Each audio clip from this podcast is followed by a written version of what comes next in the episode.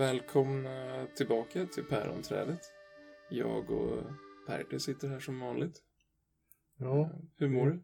jag mår bra. Ja, skönt. Men eh, haft en god morgon. Ja, Mm. det är ju inte jag. Jag har haft en stressig morgon. Ja, Ehm, på tal om vårt, eh, vårt tidigare avsnitt om stress. ja, Så eh, har jag blivit varse någonting den här morgonen. Eh, som jag också vet, jag känner till det, men eh, jag fick det exemplifierat för mig idag. Jag skulle vara här 8.30.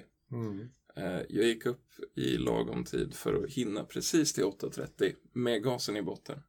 Mm. Ehm, Det är ju inte bra. Nej, Men det är skönt när man väl hinner. Då har man fått lite extra sovmorgon, två, tre minuter. Så. Ehm, Men det gör ju att när det, när det väl blir kö på E4 och jag känner nej, då kommer jag inte hinna. För att jag vet att jag har, liksom, jag har inga marginaler på den här tiden som jag har räknat. Då blir jag skitstressad. Och jag har varit med om att komma sent förut. Eh, när jag har eh, liksom eh, kommit sent men ändå haft god marginal på mig. Att jag har räknat med lite extra och så, och så ändå så händer någonting. Det blir kö eller ja, inte vet jag, jag har missuppfattat någon tid eller vad det nu skulle kunna vara. Då blir det blir inte alls samma stress. Trots att jag fortfarande kommer lite sent. Ehm, och idag så kände jag verkligen att det handlade om att jag har redan mitt stresssystem igång. Jag har satt igång det själv Mm. med att tänka att jag ska hinna på exakt en Mm. halvtimme med gasen i botten. Då när det händer minsta grej, då är jag ju redan helt uppjagad. Blir, blir den stressen också kryddad med lite skuld? Och, Skam. ja, Skam, absolut. Ja, Mm. ja. Skuld kanske lite, men den första tanken som kommer är jag måste undvika det här. Kan Ja. jag på något sätt, finns det någon genväg jag kan ta? Kan jag gasa över Kungskurva eller någonting för att Ja. liksom slippa möta Perti när jag har kommit en kvart sent? ja. Men, eh, men det gör det ju inte. Och Mm. sen infinner sig skulden och det är ju mer att jag har kommit för sent. Ja. Det jag gör då är att ringa och, eller skicka sms som jag ja, gjorde precis. och säga ja, sorry, jag blir sen. Men det är just det där när man försöker undvika det och när man försöker liksom bli av med det här jobbiga snarare än att och ta tag i det och, Mm. och be om ursäkt eller göra någon form av gottgörande. Då, är det, då handlar det om skam. Mm. Då vill jag bort ifrån det. Då kan jag inte stå för att jag har kommit för sent. Mm.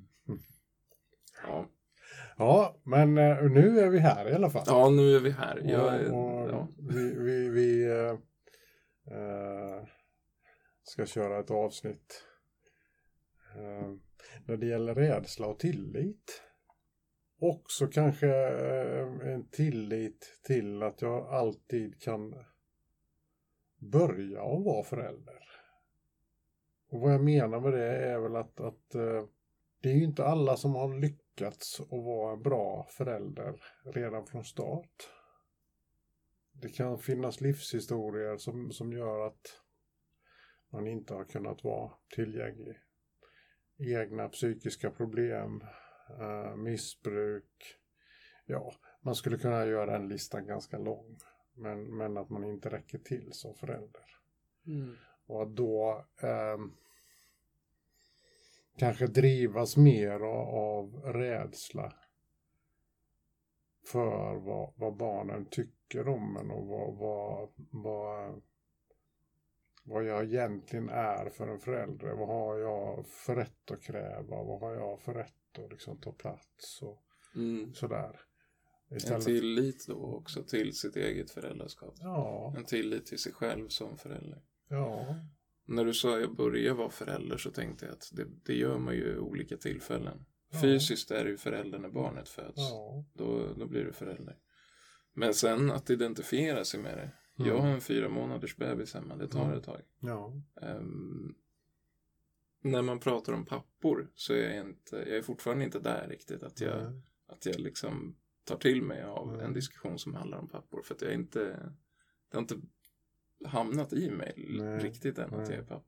Och det, det händer ju några gånger sådär. Till Mm. slut så landar det och sen så kommer nästa sån fas. Och det, det tror jag kommer bli mer som du pratar om. Är jag en bra förälder? Mm. Nu när jag tycker att jag är en förälder. Mm. Kan jag stå för vilken förälder jag är? Ja. Eh, litar jag på mig själv som förälder? Mm.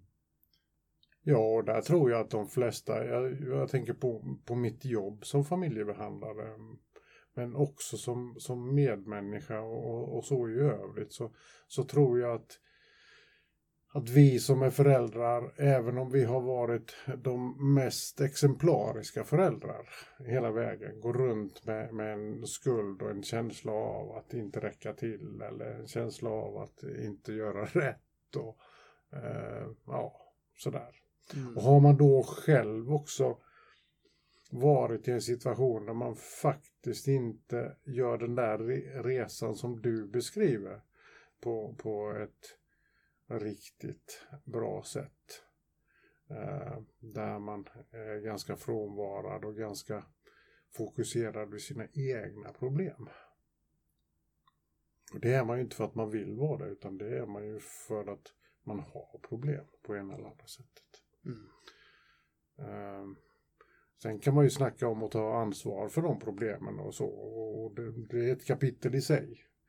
Uh, jag tror ju ändå att både av egen erfarenhet och av, av att ha jobbat med människor ganska länge. Att alla som skaffar barn vill eh, väl, eh, vill sina barn väl, vill vara en, god pappa eller mamma.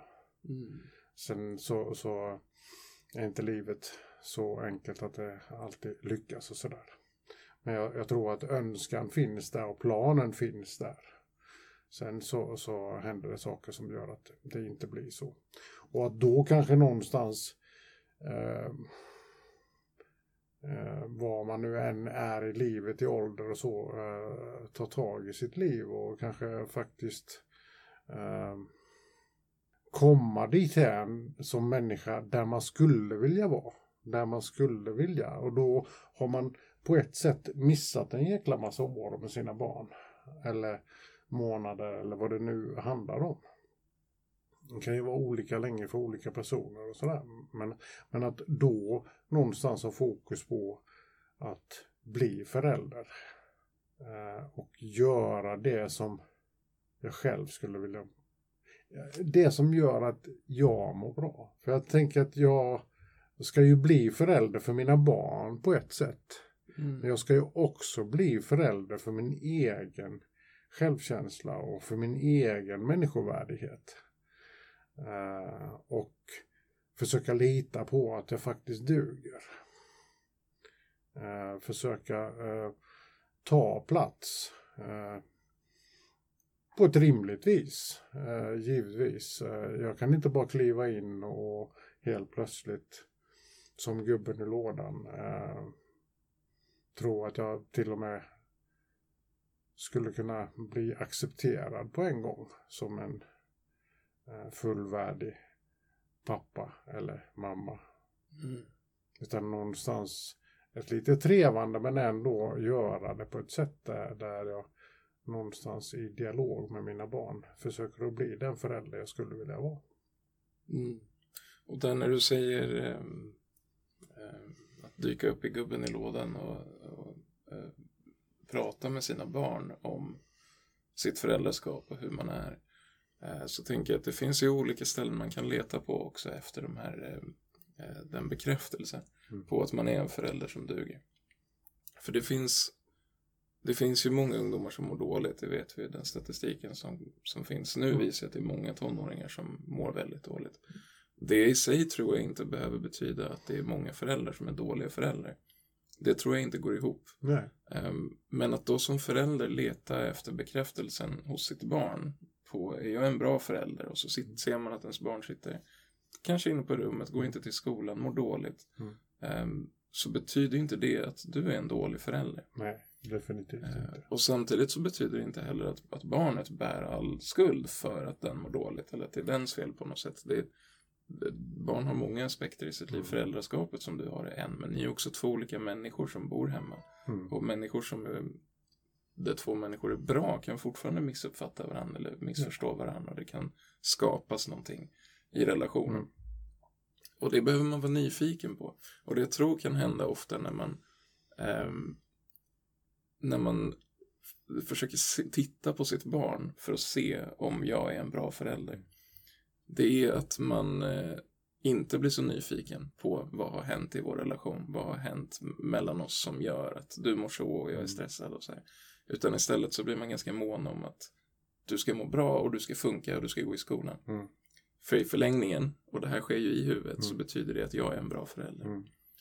Eh, och när man pratar om rädsla och oro så tror jag att det finns en del av rädslan och oron som är egoistisk också. Det handlar ju om att jag vill känna mig som en bra förälder eller som en bra människa eller som en bra, vad det nu är i relationen till den människan jag är fokuserad på. Ehm, och ibland så säger vi att vi är oroliga för våra barn. Och vi är rädda för eh, vad de ska råka ut för eller rädda för eh, deras utveckling. Hur kommer det gå när de inte gör det här och det där? Och, ehm, men en krydda, en del i det, är också, jag är rädd för hur jag ska se ut Mm. som förälder. Hur jag ska uppfattas. Hur jag ska Ja. uppfattas av andra, Mm. precis.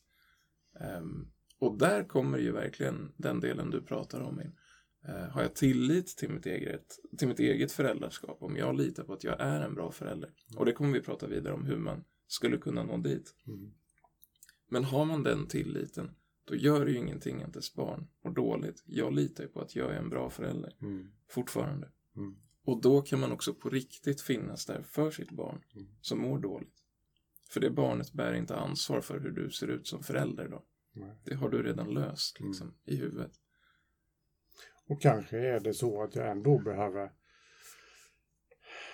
Eh, Jag tänker att eh, det är ju så att, att eh, de flesta människor är ju från början människor som kanske har en tillit till att de är bra föräldrar.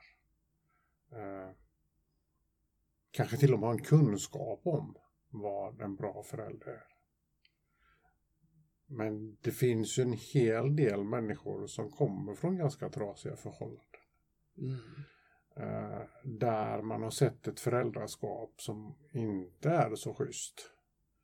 Eh, I regel är det också så att, att eh, om man har ett föräldraskap och som inte är så schysst i bakgrunden så innebär det också väldigt ofta, jag säger inte att det alltid är så, men väldigt ofta att mina föräldrars umgänge ser ungefär likadant ut som mina föräldrar är eftersom man söker sig till likasinnade och så.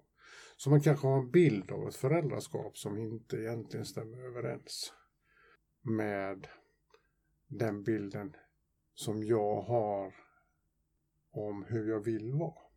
Mm. Och då tänker jag att hur ska jag lära mig att bli den föräldern? För jag tänker att alla har vi haft våra förebilder. Ja, och det blir på något sätt, eh, på något sätt ens första föräldraskap. Det instinktiva, det automatiska. Mm. Det man själv fick när Mm. man var yngre. Precis. Så, så att eh, eh, någonstans tillsammans med, med, med sig själv, andra vuxna. Jag tror, att, jag tror nog att, att vi alltid, jag har hört mycket berättelser. Eh, jag har också läst en hel del om, om barn som har farit illa och, och sådär. Men, men de barnen har ju också haft någon människa i periferin som man har tyckt är en riktigt, riktigt god människa. Någon som man kommer hem till och, och det luktar nybakade bullar och vad det nu Mm. är för någonting. Någon sån där liten romantisk bild av. Jag, jag kan ju, eftersom jag själv kommer ifrån den eh, ganska trasiga bakgrunden så kan jag säga att det fanns för mig en, en vikarie i tredje klass Mm. eh, som var en sån där person som på något vis gav mig en oas en sommar och sådär.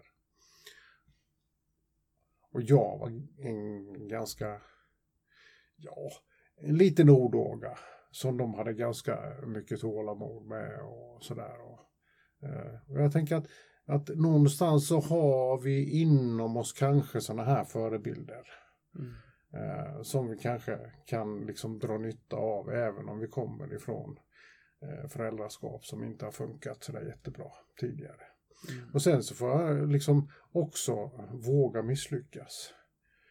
Eh, Och det där hänger ihop på ett så svårt sätt. För det är Mm. tilliten Mm. till ditt eget Mm. föräldraskap som Mm. ofta gör ja. att du vågar misslyckas och vågar stå för att du har misslyckats.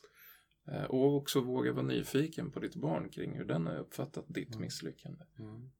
Eh, Och till slut, jag vet inte hur lång tid det tog för dig eller om du kände dig att du hade tillit på en gång till ditt föräldraskap. Men till slut så känner man ju också att man börjar nå fram. Det börjar liksom närma sig att man är på något sätt den, vill, den man vill vara.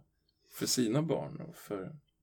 Ja, och den resan är säkert individuell och jag tänker att den är ju individuell med var och ett av mina barn. Ja, det är skillnad på dem också. Eh, Så att jag, jag tänker att eh, jag är en person och sen har jag, eh, jag har ju själv fyra barn. Mm. Tre biologiska och, och en, en adoptivson. Och jag tänker att var och en av de där relationerna ser ju ganska annorlunda ut och sådär. Och, så att den resan måste jag nog göra tillsammans med var och en av dem. Ja. Det är så jag känner och jag, jag, eh, det finns säkert andra sätt att göra det på men, men i mitt fall så har det varit så. Och jag tänker att eh, jag har ju, mi, mina barn är ju vuxna idag. Mm. Men jag jobbar på, på det fortfarande. Mm. Eh, lite mer avslappnat idag än vad det, vad det har varit. Men, men eh, det är klart att det där alltid finns där. Som en eh, ja, lite smolk i bägaren. Mm. Att, eh, att eh, misslyckas första åren och, och eh, göra en annan resa som förälder än vad, vad många andra har gjort. Och sådär. Men, men, men det är ju ingenting som, som det är ett litet smolk i bägaren som man säger men det är ingenting som gör att det smakar illa. Nej. Utan någonstans så, så är det en del av mitt liv och som jag har accepterat. Och, och, som, och där tänker jag att den tilliten, den kanske jag inte kan få genom att, att eh, prata med mina barn. Utan här behöver jag ju själv göra ett jobb med, med, med min egen historia och vad det nu är för någonting. Och liksom, eh, där är det också individuellt vilken resa man vill göra. Men, men, Mm. men att eh, det finns ju grupper för, för pappor, det finns grupper för, för föräldraskap överhuvudtaget. Det finns eh, Mm. grupper och det finns eh, terapier att gå i och eh, det finns människor att prata med som man tycker om. Alltså, jag tänker att man, behöver inte göra, man kan göra det på så många olika sätt och man kan göra det på flera sätt samtidigt. Mm. Jag har inte som sagt fattat än att jag kan gå i pappagrupp. Men det kommer nog. Men det låter som att, och det, det är fint beskrivet tycker jag, att, eh, att den här tilliten sker individuellt med var och ett av dina barn. Att det du lär dig i relation till en av dina eh, söner eller döttrar kan du inte ta med dig till den andra. Inte automatiskt i alla fall. Ehm, och ehm, du säger att du har vuxna barn idag. Mm. Och att du fortfarande håller på med den här processen att, med Mm. tilliten till dig själv som förälder. Mm. Och, ehm, och det, jag tänker att det belyser någonting ganska viktigt. Och det är just att det här är en lång process. Mm. Oavsett vart du börjar någonstans Mm. så har ju varje människa eh, en helt oskriven bok framför sig när man får barn kring sitt föräldraskap. Och, och man kan ha vilken bakgrund som helst. Mm. Eh, det kommer dyka upp problem. Ja. Eh, Och för vissa mer problem än för andra och det, det får man ju ta tag i. Ja. Man kanske behöver lägga extra mycket energi på att skriva den boken. Då. Men det jag tänker när du säger att du har hållit på eh, länge med den här processen av att lita på dig själv som förälder Mm. är ju att, eh, och jag vet att vi har ett avsnitt som handlar om kometverktyg, Mm. men det är just att kunskap kring föräldraverktyg och hur man ska göra Mm. föder ju inte automatiskt tillit. Nej. Och det tror jag att man ibland tänker att det gör. Mm. Att nu har jag gått en kometutbildning här på tio tillfällen. Nu borde jag vara klar. Mm. Och det är man ju inte. Nej. Den här processen är livslång i många fall. Eh, och om Mm. inte livslång så i alla fall så lång som du har dina barn hemmavarande och den relationen pågår eh, och utvecklas. Sen så får de barn Då plötsligt är du morfar eller farfar. Mm. Och det blir ytterligare, liksom, Mm. ytterligare ett lager på löken. Ja. Eh, och då ska man hitta sig själv i den rollen. Är jag en bra Mm. morfar då? Det vet jag inte. Jag var ju pappa bara nyss. Hur ska det här gå? ja. Ehm, men, ehm, men jag tror att det är viktigt att, att ha tålamod med sig själv för att det är en livslång process. Kometutbildning eller föräldraverktyg eller till och med att, att komma och träffa oss och få föräldrastöd tre, fyra, fem Mm. tillfällen. Det, det är bra men det är inte det som gör att du blir färdig. Nej. Du blir typ aldrig färdig skulle jag säga. Nej, men det är som med allting annat i livet. Jag, jag tänker att eh, relationer, eh, eh, vad jag än ska lära mig så, så är det ju inte så att jag, jag går en kurs och sen så är jag, är jag, eh, eh, är jag klar. Nej, Jag, precis. jag tänker att ba, bara en utbildning som familjebehandlare till exempel innebär ju inte att, att jag är en familjebehandlare för att jag har gått en utbildning på två, tre år eller vad det nu eh, är jag har gått för utbildning eller alkohol och drogterapeut eller vad det nu än är jag utbildar mig till. Utan det är ju egentligen praktiserandet som, som kommer att ge dig färdigheter. Mm. Och så är det ju i ett föräldraskap eh, också. Att eh, jag kan inte förvänta mig att, att jag eh, ska gå från det ena till det andra. Utan det någonstans är en process som hamnar i mig. Och jag behöver hela tiden ställa frågor till mig, som, till mig själv som människa. Att, att gör jag rätt? Eh, blev det här fel? Eh, backar jag för problem för att jag är alldeles för rädd för att ta tag i det, för jag har dåligt samvete, för att jag har varit en misslyckad förälder eller gjort fel som förälder. Eller, eller tar jag tag i, i även de svåra sakerna och faktiskt eh, våga finnas där. Inte bara när det går bra.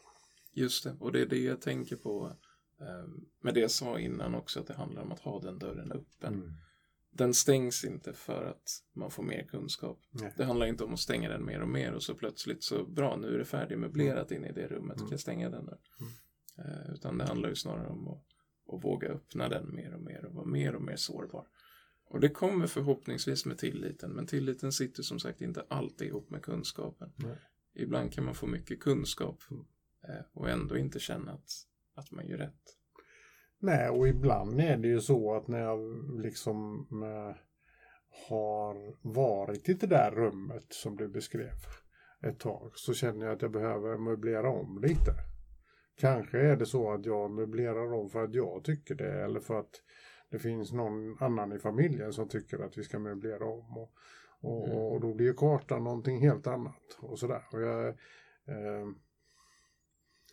jag behöver ju vara Eh, benägen att förändras hela tiden.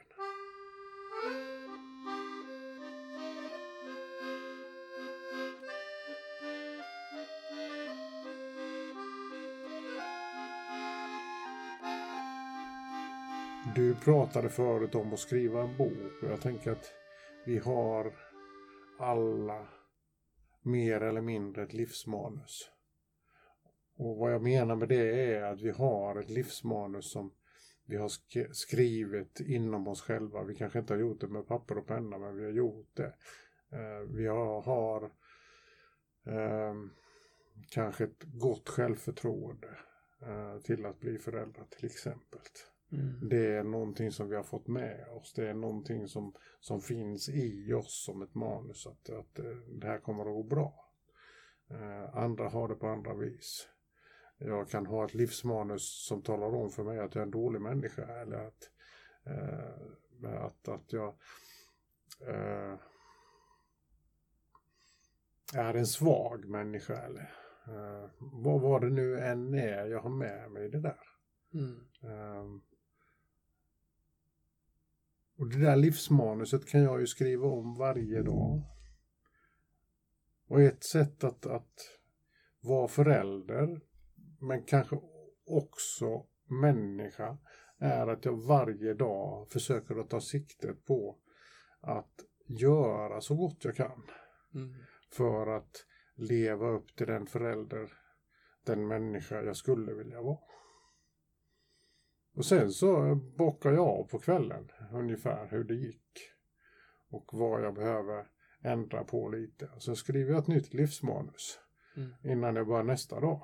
Att så här skulle jag vilja. Så att man tar ut kompassriktningar lite och, och någonstans bestämmer sig för att jag, jag, jobbar på ändå. Jag är, jag, jag är här och Mm. jag är inte perfekt. Men, men, men jag, jag jobbar på. Jag skulle kunna i det livsmanuset också skriva hur jag skulle vilja vara lite längre fram. Mm. Var jag skulle vara, vilja vara någonstans med min familj om ett år eller två eller vad det nu är. Mm. Ja, det där livsmanuset tror jag är det också som ligger till grund för vad man är rädd för. Mhm. Eh, och hur man tror att en situation kommer gå. Ja. Ehm, ett livsmanus skulle kunna vara till exempel ehm, en människa som säger eh, det löser sig. Vad som än händer så löser det sig. Mm. Ett livsmanus kan också vara en människa som säger att eh, eh, vad jag än gör så blir det alltid fel. Mm. Eller ett annat exempel är minsta misstag jag gör så kommer jag bli skammad. Mm. Det kommer ju ofta ifrån att man kanske faktiskt har haft det så någon Mm. gång i livet Ja. också. Men de här livsmanusarna är ju, de är så abstrakta, de existerar ju bara i huvudet. Du och jag, vi lever ju i samma värld, vi sitter Mm. i samma rum. Mm. Men kan ha helt olika uppfattningar om eh, vad som löser sig och vad som leder till eh, att man behöver stressa lite och det blir lite kris. Precis. Ehm, och då är vi inne och pratar om, om narrativ egentligen. Mm. Vad har jag för berättelser som jag hela tiden påminner mig själv om? Mm. Till exempel en sån berättelse som det blir alltid fel vad jag än gör. Mm. Eh, Den dyker ju bara upp de gångerna det blir fel Mm. och påminner dig om att Mm. nu blev det fel igen. Ja. Det blir alltid fel vad du än gör. Mm. Men eh, den där meningen är ju inte med när det går bra.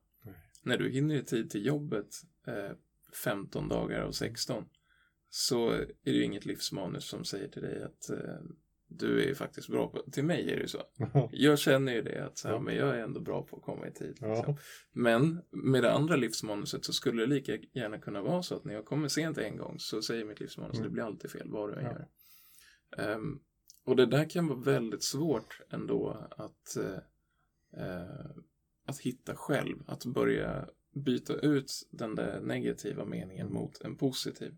En mening som påminner en varje dag man fixar det där man tror att man inte ska fixa. Eller varje gång man, man fixar någonting eh, så kanske man också tänker att eh, äh, det var enkelt, det var därför jag fixade det. Det var inget svårt. Mm. Men att byta ut den till att nej, men, du har klarat det här som Mm. eh, och du har inte gjort fel alla de här gångerna utan det hände en gång. Att byta ut de meningarna Mm. kan man ju behöva hjälp med. Ehm, Definitivt. för att man ställer oftast inte de frågorna till sig själv för man har inte dem med sig. Man har med sig de här meningarna som hela tiden påminner en om samma saker Mm. hela tiden. Ehm, och det man kan göra då om man träffar någon av oss eller om man träffar en annan terapeut är att få en annan människa som ställer lite frågor Mm. om hur såg det ut i förrgår? Mm. Och plötsligt så måste man börja gräva i något minne av någonting som har Mm. gått bra som man inte Mm. alls hade gjort själv. Ehm, och så får man börja, på tal om att blåsa luft i ballonger, så blir det också några ballonger som pyser ut och får mindre luft i sig och så får man blåsa in ny luft i några andra Mm. ballonger. Och till slut så ser kalaset annorlunda ut. Mm. Eller vad man ska... Ja, men jag, jag tänker att det är det så att jag har, har en ganska kritisk syn på mig själv som människa så är, är det ju ofta så att jag upprepar det precis som du beskriver det. Eh, och kanske också låter det ta överhand trots att, trots att eh, det faktiskt sker bra saker i livet och sådär så är jag väldigt, väldigt fokuserad på att eh, jag misslyckas. Mm. Jag är inte god nog och sådär. Risken är ju också att jag faktiskt på ena eller andra sättet för över det på, på mina ungar. Mm. Där jag koncentrerar mig på eh, det som inte funkar. Och då är vi tillbaka lite på den där med, med kometprinciper och ficklampan och det där vi pratade om i vårt första avsnitt. Mm. Att vi egentligen bara lägger fokus på det som är negativt. Istället för att börja eh, fokusera om och titta på sånt som fungerar. Både hos sig själv och sin ungdom. För börjar vi prata om saker och ting som vi gör bra som föräldrar, då kommer vi också fortsätta att göra mer bra saker. Eh, våra barn kommer att fortsätta göra bra saker om vi ser de bra sakerna de redan gör. Mm. Så jag tänker att det är ju en positiv eh, cirkel som vi, vi eh, på något vis bidrar till genom att faktiskt prata om oss själva i positiva mm. ordalag. Prata om våra barn i positiva ordalag.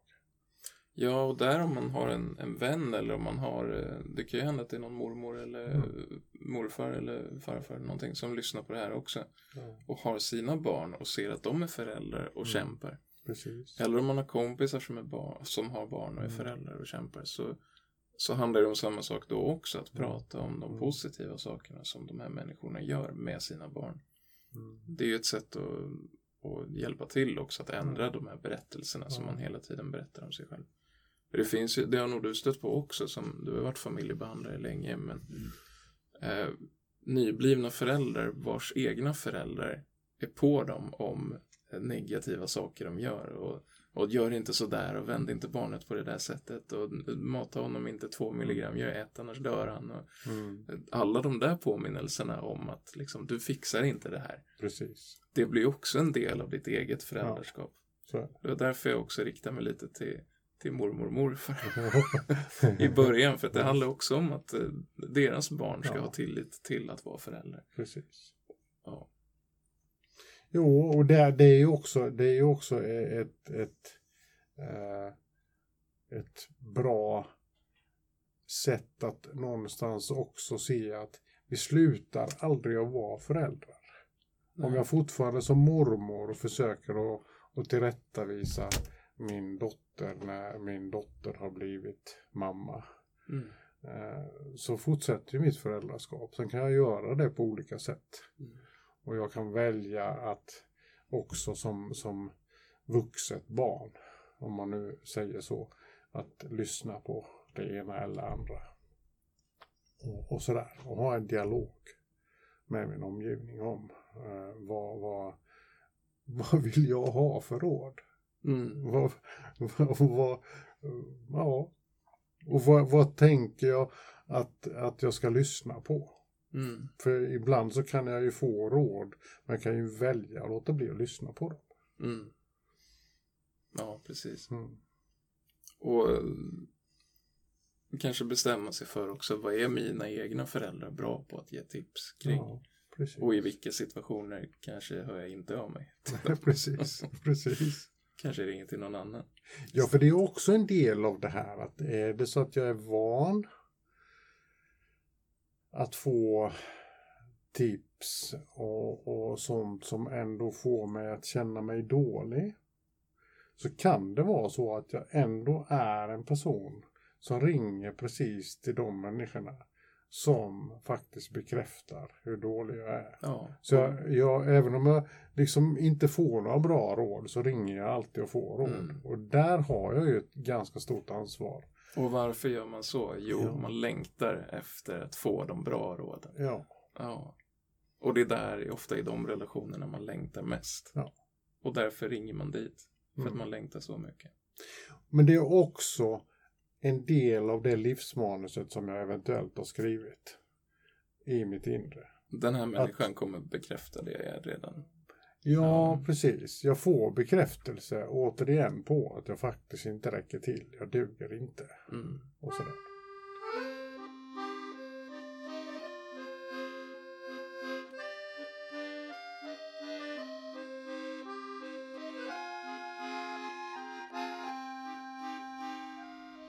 det här kan ju dra iväg hur långt som helst. Jag känner det också, att det finns många lager av, av mm. diskussionen kring rädsla och mm. tillit och, och identitet. Ja, ja.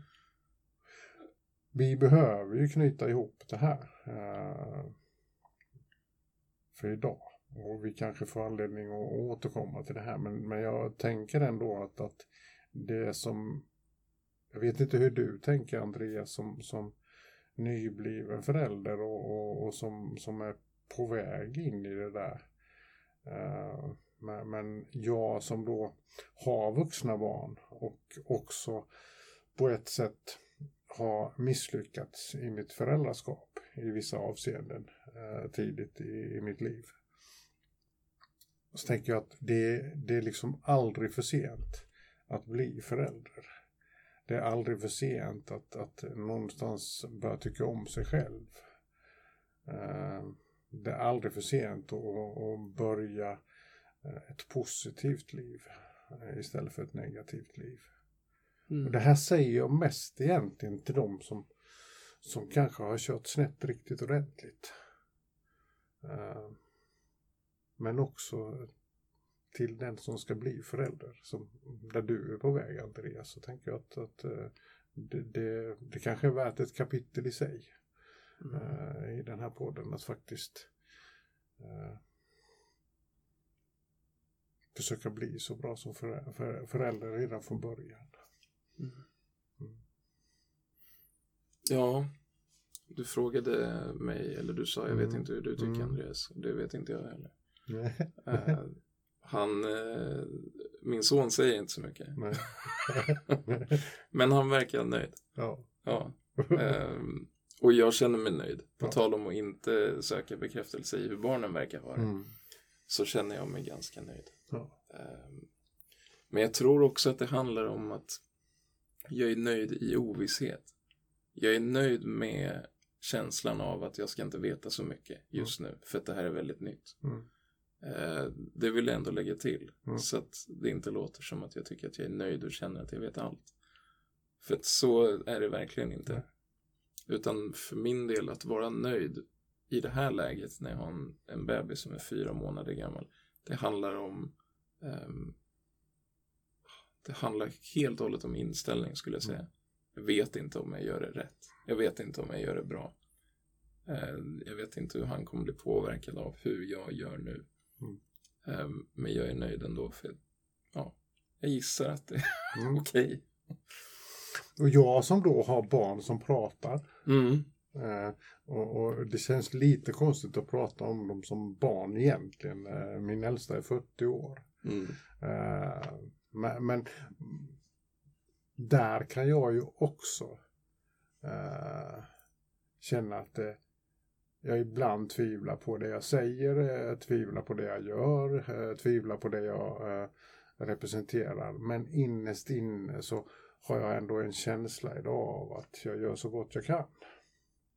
Och jag gör ingenting eh, för att, eh, för att smita, jag gör ingenting för att uh, uh, göra någon illa eller, eller på det viset utan jag gör så gott jag kan.